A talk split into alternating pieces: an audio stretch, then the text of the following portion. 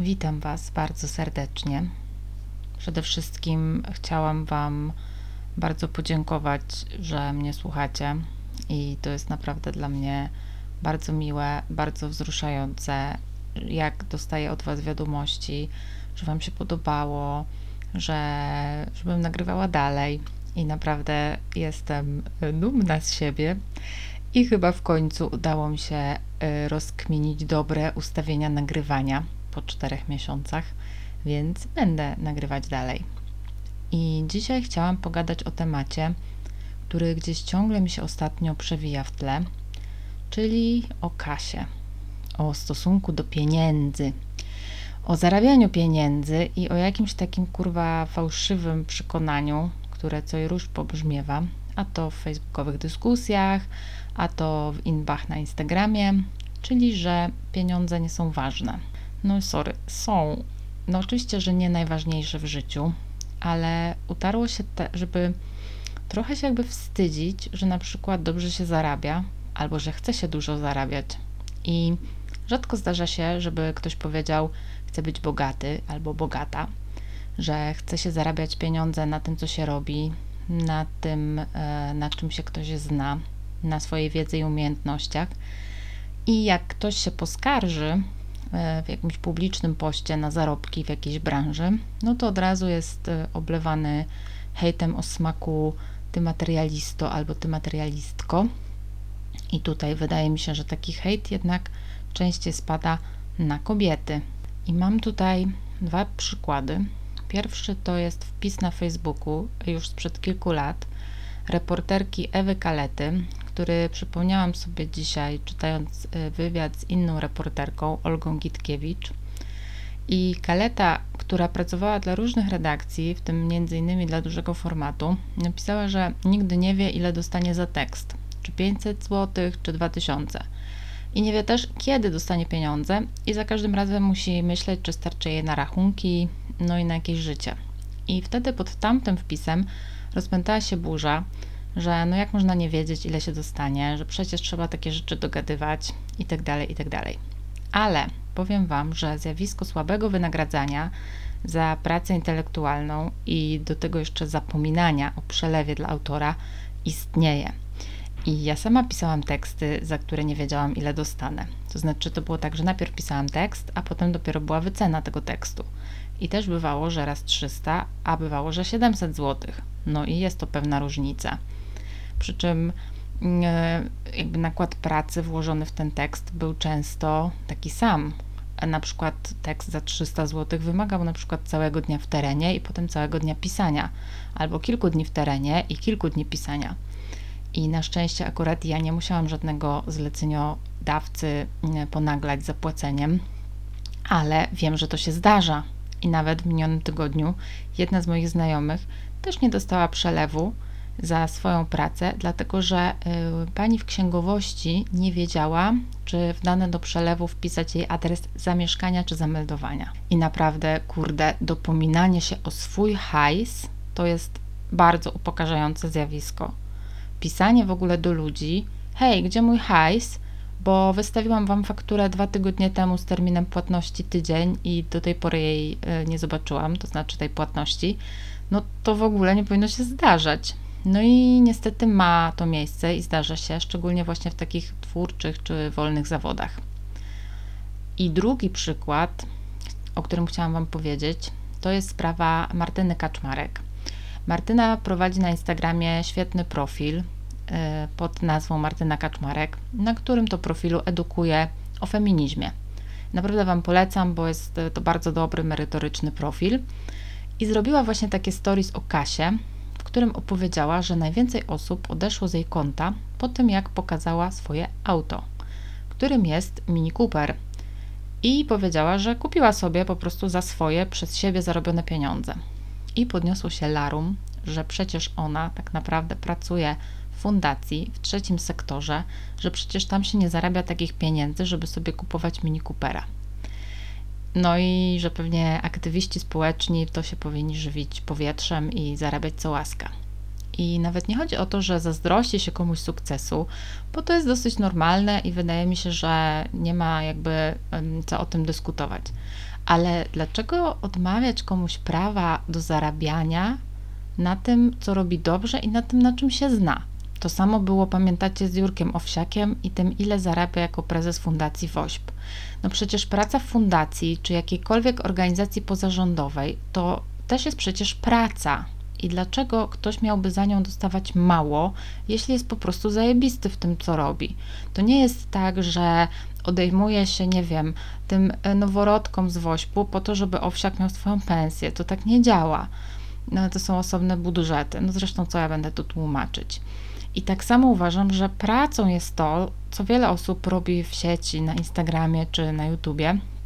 I oczywiście nie od razu trzeba krzyczeć, że się chce za wszystko hajsu, ale przykład Patronite pokazuje, że ludzie chcą płacić twórcom, których lubią i szanują, żeby ci twórcy mogli tworzyć, a nie zapierdalać gdzieś na etacie po to, żeby mieć na rachunki.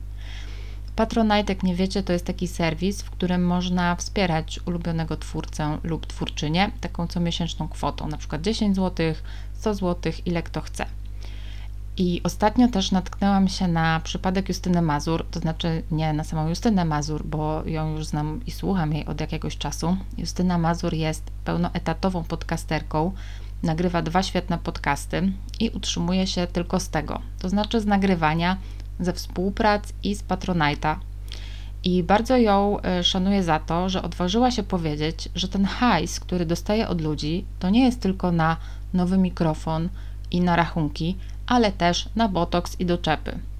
Bo utarło się, że wiecie, twórca zarabia, yy, okej, okay, niech sobie zarabia, ale niech to zarabianie mu wystarczy tylko kurde na chleb z makaronem i ziemniakami i może na zapłacenie internetu. A przecież wszyscy jesteśmy normalnymi ludźmi, którzy chcą sobie czasami coś kupić, gdzieś pojechać, ym, zrobić po prostu coś dla siebie. No nie wiem, nawet botoks. I jak wspieramy twórców, to moim zdaniem nie powinno nas już obchodzić, na co oni wydają te pieniądze. Przecież to są dobrowolne wpłaty. Chodzi o to, żeby oni nie musieli pracować gdzieś indziej, tylko mogli dalej, nie wiem, nagrywać, pisać, opowiadać itd. I naprawdę bardzo ciężko jest robić dwa takie wymagające podcasty, robić w ogóle cokolwiek jakościowego tak na full i mieć jeszcze jakby normalną pracę. Oczywiście do pewnego etapu można to godzić, że wiecie, ma się normalną pracę do y, zapłacenia rachunków i botoksu, a tworzy się po pracy dla przyjemności. Ale przychodzi taki moment, kiedy się myśli, no ale chwila, ktoś chce płacić za te treści, ktoś chce płacić mi, żebym ja te treści produkowała czy produkował. I ja uspokajam Was tutaj, to nie jest e, wstęp do tego, że chcę Wam powiedzieć, że od dzisiaj zakładam Patronite'a albo że chcę hajsu za te treści. Nie, może kiedyś to zrobię, ale dzisiaj o tym mówię, bo strasznie mnie po prostu wkurza takie podejście, że e, twórca to po pierwsze będzie lepszy, jak będzie przymierał głodem, a po drugie, jak już dajemy mu hajs, to to faktycznie musi być hajs na tę twórczość, a nie na e, kurczę botox albo prosecco. Inną sprawą jeszcze jest to, ostatnio też był dosyć duży artykuł w Okopres o dziennikarzach TVN24, którzy przez lata pracowali na śmieciówkach, mimo że ich praca spełniała wszystkie warunki etatu. I ja przepracowałam w TVN24 na śmieciówce 7 lat i oczywiście mogłam zażądać etatu, ale nigdy tego nie zrobiłam. E, dlaczego? No, prosta sprawa. Dlatego, że wtedy po prostu zarabiałam dwa razy mniej, bo przecież nikt by mi nie zaoferował tej samej kwoty którą miałam na umowie o dzieło, czyli powiedzmy na czysto, i tej samej kwocie na etacie netto. No rozumiecie o co chodzi. I nie zrobiłam tego również dlatego, że się bałam po prostu, że zostanę uznana za taką, wiecie, roszczeniową osobę. I powiem Wam, że żałuję jak cholera, bo ja w ogóle w życiu przepracowałam na etacie 3 miesiące, a tak to zawsze jednak była kalkulacja czy wolę mieć cztery do ręki bez ubezpieczenia y, i bez emerytury, czy dwa na etacie z tymi wszystkimi składkami.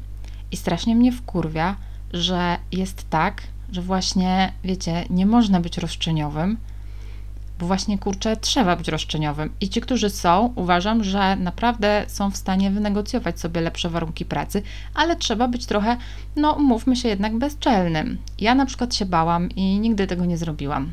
No i tyle. A co do negocjacji, to też się zawsze bałam negocjować i to już jest w ogóle totalnie najgorsze. Rozmowa o podwyżce to jest najgorsza rozmowa, jaką w ogóle można mieć w pracy.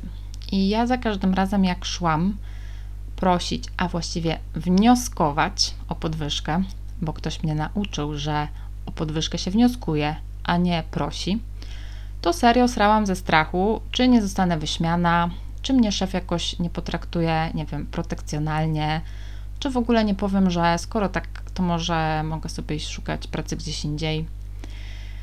I wiecie co? Za każdym razem dostałam tę podwyżkę. I wniosek z tego jest taki, że za każdym razem mogłam wnioskować o wyższą. Może bym nie dostała tej maksymalnej kwoty, ale i tak mogłabym dostać wyższą niż tę, którą finalnie dostałam. No ale oczywiście mam z tym też jakiś taki zajebisty problem, bo no jak to wyższą? Jak to w ogóle mogłam zaśpiewać taką wyższą stawkę? I też mam problem z tym, że w ogóle pensja w Polsce w wielu przypadkach zależy nie od tego, jak pracujesz, tylko od tego, jak dobrze umiesz negocjować. To mi się nie podoba. I jakiś czas temu usłyszałam też pewne zdanie, które zapadło mi mocno w pamięć i chodziłam potem po domu i powtarzałam je sobie do lustra. Moja stawka jest nienegocjowalna.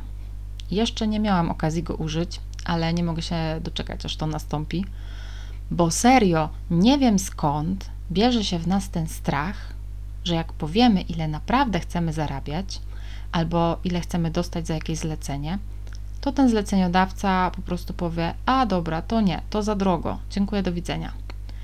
I wiecie, jeżeli jesteśmy dobrzy i mamy jakąś tam opinię, to myślę sobie, że raczej ten zleceniodawca no, na pewnym etapie będzie chciał ponegocjować. A nawet jeśli nie, to prawda jest taka, że to jest jego strata bo ja nie chciałabym dostać za coś 100 zł, jeśli uważam, że praca jest warta 200, bo to zwyczajnie odbiera całą satysfakcję z pracy i w ogóle nie ma z tej stówy radości, że się trzeba było natyrać, żeby zarobić jakieś tam tak marne grosze. Nie mówię, że stuwa jest marnym groszem, tylko że po prostu dostajemy dużo mniej niż byśmy chcieli dostać. I oczywiście ja też się zgadzałam wielokrotnie na niskie stawki ale prawda jest taka, że obiecałam sobie, że następnym razem już tego nie zrobię. Na przykład zaliczki za książki. Słuchajcie, debiutujący autor w Polsce, wiecie, jaką średnio dostaje zaliczkę od wydawnictwa? Zaliczka to jest taki hajs, który dostaje się na samym początku, jeszcze zanim się odda jakby książkę wydawnictwu. I potem ta zaliczka jest rozliczana, jak już się książka sprzedaje. I na przykład jak się tam sprzeda dobrze, no to jakby szybko się pokrywa zaliczka i potem już się zarabia na samej książce. No i średnia kwota to jest e, podobno 4000 zł, ale znam przypadki, że to było 2,5 tysiąca. I wyobraźcie sobie teraz, że ktoś pisał dwa lata książkę i dostał 2, 3, 4 tysiące i potem dopiero jak ta książka się sprzeda, to autor dostaje 2 albo 3 zł od egzemplarza. I można się oczywiście spierać, czy to jest dużo, czy mało, i że można negocjować lepiej, i że można dostać więcej. Oczywiście, ale jak się jest początkującym autorem, to generalnie się bierze co jest. I ja ostatnio na przykład odmówiłam wydania książki u wydawcy, który mi zaproponował takie warunki umowy, że nie byłam w stanie ich zaakceptować. I w ten sposób niestety książki nie będzie na razie, przynajmniej, bo po prostu, y, jak napisałam, które punkty umowy chciałabym negocjować, no to wydawca odpisał mi, że aha, to my się nie, nie decydujemy. I prawda jest taka, że przecież jest mnóstwo ludzi, którzy się u nich wydali, więc musieli podpisać tę umowę. Tak po prostu wadliwą i źle sformułowaną umowę, bo ja swoją umowę dałam do analizy prawniczce i ona ją po prostu zmasakrowała. Ale to jest też coś takiego właśnie, o czym się nie mówi. Jest jakaś taka zmowa milczenia wokół tego. I naprawdę nie wiem, dlaczego my się w ogóle na to godzimy. Na takie fatalne stawki, na złe umowy, na pracę na śmieciówce przez 7 lat. No kurczę. Jeszcze inny przykład. Występowanie w panelach dyskusyjnych, jakichś tam webinarach itd. Tak Znam sporo osób, które są do takich paneli zapraszane. I wiecie, co się okazuje? Że za to praktycznie nigdy nie ma wynagrodzenia.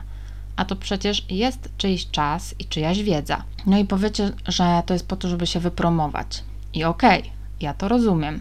Można też coś zrobić po prostu za darmo dla znajomych, chce się zdobyć trochę popularności. No ale wyobraźcie sobie, że już macie tę popularność i teraz wszyscy Was zapraszają na trzy webinary tygodniowo i każdy trwa półtorej godziny i do każdego musicie się na przykład 2-3 godziny przygotować. No przecież to jest praca. No ja bym nie zrobiła tego za darmo. I jeżeli wy dostaniecie takie zaproszenie, to też nie róbcie tego za darmo. Naprawdę domagajcie się pieniędzy. No, przepraszam, nie chcę, żeby to brzmiało jakoś tak, że za każdą rzecz trzeba krzyczeć, dajcie pieniędzy, ale nie dajmy sobie wmówić, że za poświęcony czas i pracę nie należy się wynagrodzenie, bo z tego co wiem, wiele osób w ogóle o te stawki nie pyta. Ale jak zapyta, to zwykle się okazuje, że jakiś budżet jest. Czyli znowu po prostu ten sam case, co z podwyżką. Trzeba po prostu pytać i nawet mówić za wysoko, a potem negocjować, bo jak się nie powie nic, to się nie dostanie tych pieniędzy w ogóle.